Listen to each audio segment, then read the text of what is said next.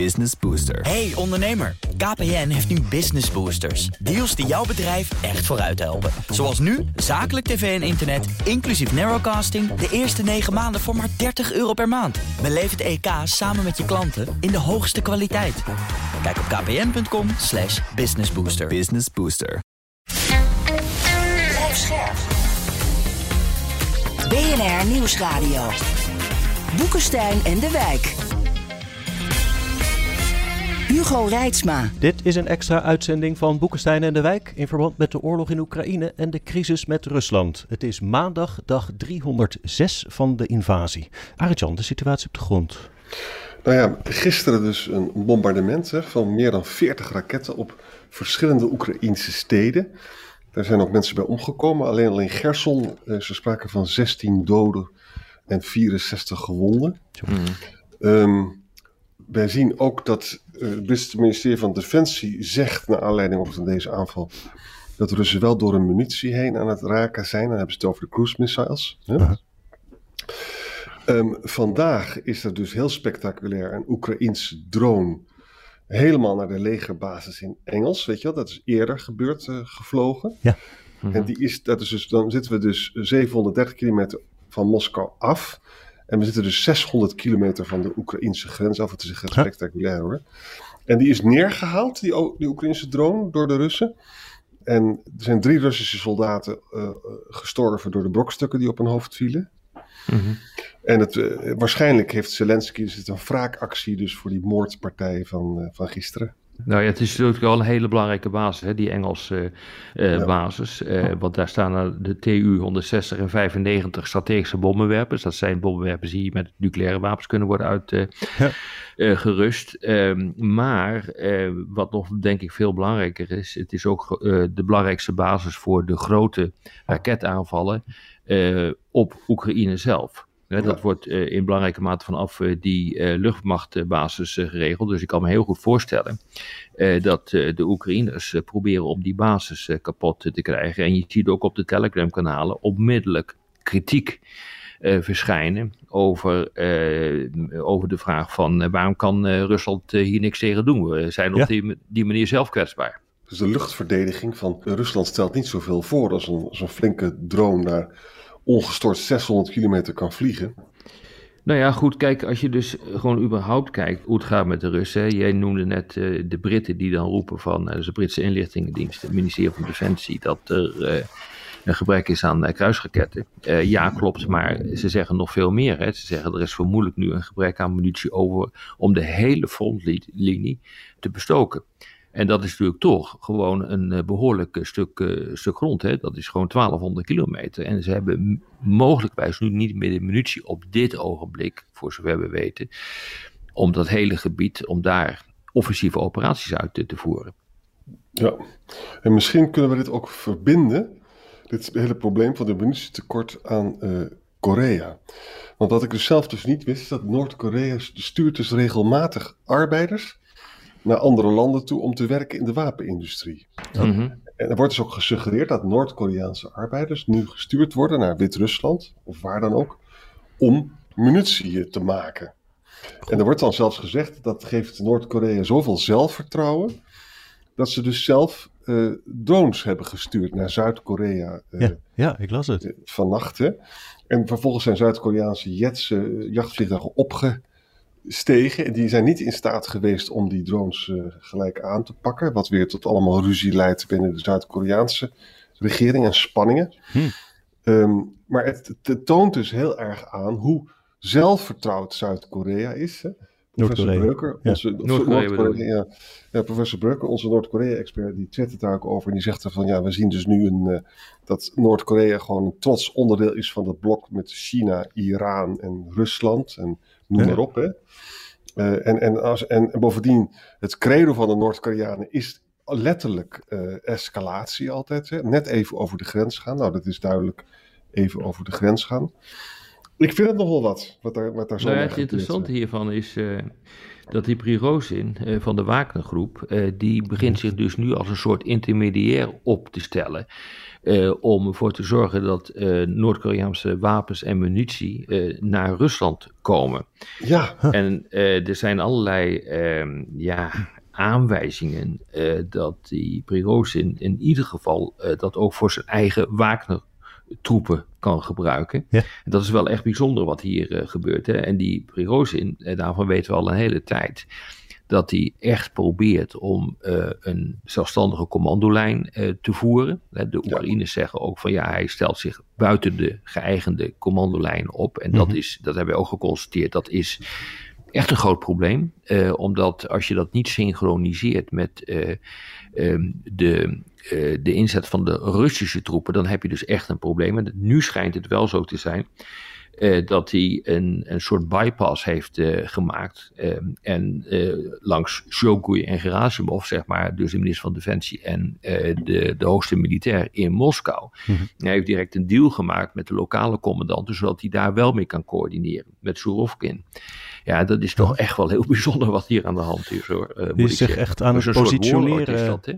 Ja. ja. En dat is gewoon interessant, want de geschiedenis hiervan is dus dat Prigozhin in Bakhmut wel eventjes aan Poetin zou laten zien dat hij daar zou kunnen winnen. Ja. En we zien dus dat die rol van Prigozhin, die neemt eigenlijk uh, aan, aan belang toe. Want hij is nu, kennelijk gaat hij nu ook het munitieprobleem uh, oplossen.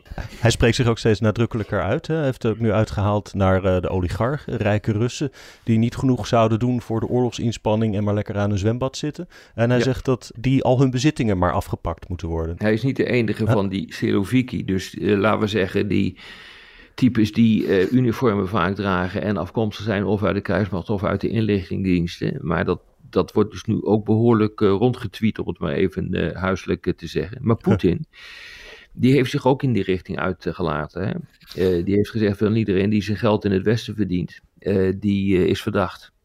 Ja. En jongens, dit is ongelooflijk interessant, hè? want er zijn in het verleden ook allemaal theorieën over geweest. Poetin heeft ook wel eens gezegd, van, ja, al die jongens die in Londen zitten en daar hun geld lopen uit te geven aan mooie huizen en zo. Maar het was natuurlijk zo dat de elite hield elkaar vast. Iemand als Abramovic bijvoorbeeld is een enorme rijke oligarch. Maar probeerde ook een beetje mee te onderhandelen en, uh, mm-hmm. met Poetin en zo. Als er dus nu echt een kloof komt tussen de oligarchen buiten Rusland en de Siloviki in Rusland, dus dat zijn dus de militairen en de veiligheidsmensen, mm-hmm. dan lijkt het mij dat dat regime, regime maar niet sterker op wordt. Wat denk jij, Rob? Nee, dat, dat lijkt mij ook, ja. Wel, dit is echt van belang hoor, deze ontwikkeling zie je gewoon dat de zaak uh, instabieler zou kunnen worden. Ja, zouden spanningen binnen de Russische elite een gevaar voor, voor Poetin kunnen opleveren? Nou, nu niet hoor. Het is allemaal veel te, te hecht zitten nog allemaal in elkaar. Ik denk dat dat nu niet het uh, geval is. Dan moet het echt wel heel erg slecht gaan. Dan moet hij de oorlog uh, verliezen. Hm. Ja, wat je op dit ogenblik ziet is uh, dat er ook uh, naar ze wordt, gezocht wordt door Poetin naar zondebokken. Ja. Gerasimov, de hoogste militair, ja, die zou wel eens een keer uh, kunnen, worden, kunnen worden ontslagen. Nou, dat geldt Aha. ook voor Shoku. Dat, loopt, dat hangt al een tijdje boven de markt. Zou heel goed kunnen. Gerasimov is ook een, echt een tijd letterlijk uit beeld geweest. Ja, is ja. nu net weer um, in beeld gekomen met wat opmerkingen dat, en dat is wel interessant hoor, dat de focus nu erg ligt op de, op de Donetsk Oblast. He, dat is de oude meer beperkte doelstelling van, uh, van Rusland uh, geweest. Ja, uh, ja het, het, zou heel goed kunnen zijn dat er een leiderschapswissel aan zit te komen. Maar dan gaat het echt om Shogun, de minister van Defensie, en Gerasimov. Ja, ja. Ja, maar waarom zou ik als oligarch, rijke oligarch, Poetin nog stilzwijgend steunen als ik al mijn geld moet inleveren? Of als ik in de beklaagde bank word gezet? met name zo'n jongen als Abramovic, wat ik net noemde, vind ik dan wel interessant. Hè? Hij was ja, al, wat hij gaat doen. Ja, ja. ja want hij, hij, was in Turkije aan het, aan het, onderhandelen aan de kant van Poetin. Want die man ja, die wil natuurlijk gewoon goede betrekkingen met Rusland hebben, waar hij ook geld heeft zitten. Ik vind het heel spannend uh, wat er nu gebeurt. Deze week gaan Poetin en Xi weer met elkaar praten. Dat is belangrijk, want Medvedev is bij Xi geweest een paar dagen geleden. Ja. En dan komt er zo'n heel cryptisch zinnetje dat het ook over economische samenwerking gaat. Ik denk dus dat de Russen hebben heel veel Chinese economische steun nodig in allerlei uh, formaten. En dat heeft hij niet gekregen, Medvedev. En nu gaat uh, Poetin bij Xi bedelen. Maar het zou mij verbazen als uh, volgens mij laat, zie je hem gewoon zitten met lege handen. Mm -hmm. nou ja, nu we het toch over buitenlandse leiders hebben. Lukashenko is weer in Moskou aangekomen. Ja. Een informele top wordt daar gehouden in Sint-Petersburg van de, een groep landen. En dat zijn eigenlijk de oude Sovjet-republieken die zich eh, na de ondergang van de Sovjet-Unie in 1991 hebben, 91 hebben afgescheiden. Eh, er zit Armenië, Azerbeidzjan, Tajikistan, Kyrgyzstan, Oezbekistan, dat soort landen zitten hm. daarin. Maar ook Belarus. En die gaan dan praten over het afgelopen jaar, maar ook uh, plannetjes maken voor 2023. Dat uh, dat gemene best van uh, onafhankelijke staten, uh, dat dreigt overigens wel uit elkaar te vallen. Want we hebben er wel vaker over gesproken dat die zuidelijke republieken helemaal niet blij zijn met wat er gebeurt in, ja. in Oekraïne. Want zij kunnen natuurlijk gewoon dezelfde zijn. Hè? Dat geldt ook voor Lukashenko, die hm. daar denk ik ook ongelooflijk bang voor is dat hij hm. helemaal wordt ingelijfd eh, bij Moskou. En dat is denk ik helemaal niet zo raar gedacht, omdat uh, eigenlijk die rare overwinning tijdens die verkiezingen die Lukashenko heeft, uh, heeft gekregen, eigenlijk gekregen heeft van Rusland, moet je zeggen, want die heeft ervoor gezorgd dat hij de verkiezingen in, wanneer was het, 21 hè, kon winnen. Ja. dus die Lukashenko die is echt een marionet van Moskou aan het, aan het worden. Dus ik ben ook heel benieuwd of daar wordt gesproken over een mogelijk offensief vanuit Belarus uh, Oekraïne in. En terwijl Lukashenko dus in Rusland is, gaan, zijn op dit moment zijn is Iskander-raketten worden naar Wit-Rusland getransporteerd. En ook S-400. Ja, exact. Nou ja, dat heeft dus alles te maken met de discussie die nu al een tijdje loopt. Dat er mogelijkerwijs een nieuw front wordt geopend vanuit Belarus. En dan zijn er verschillende mogelijkheden. Hè, die Igor, Igor Girkin, dat is een oud uh, Russisch bevelhebber, uh, oud-commandant. Uh, en uh, die is nu nogal actief op, op die Telegram-kanalen. Die heeft gezegd, nou ja, dat zou een aantal goede doelen kunnen dienen als we dat gaan doen. bijvoorbeeld het afgrendelen, dat is niet onbelangrijk hoor. Afgrendelen van de routes vanuit Kiev Europa in. Het zijn dus die treinroutes die ook uh, de, de president Zelensky neemt om, uh, nou, in dit geval naar Amerika af te, af te reizen. Maar je ziet ook dat er meerdere mogelijkheden zijn, zegt Gerkin.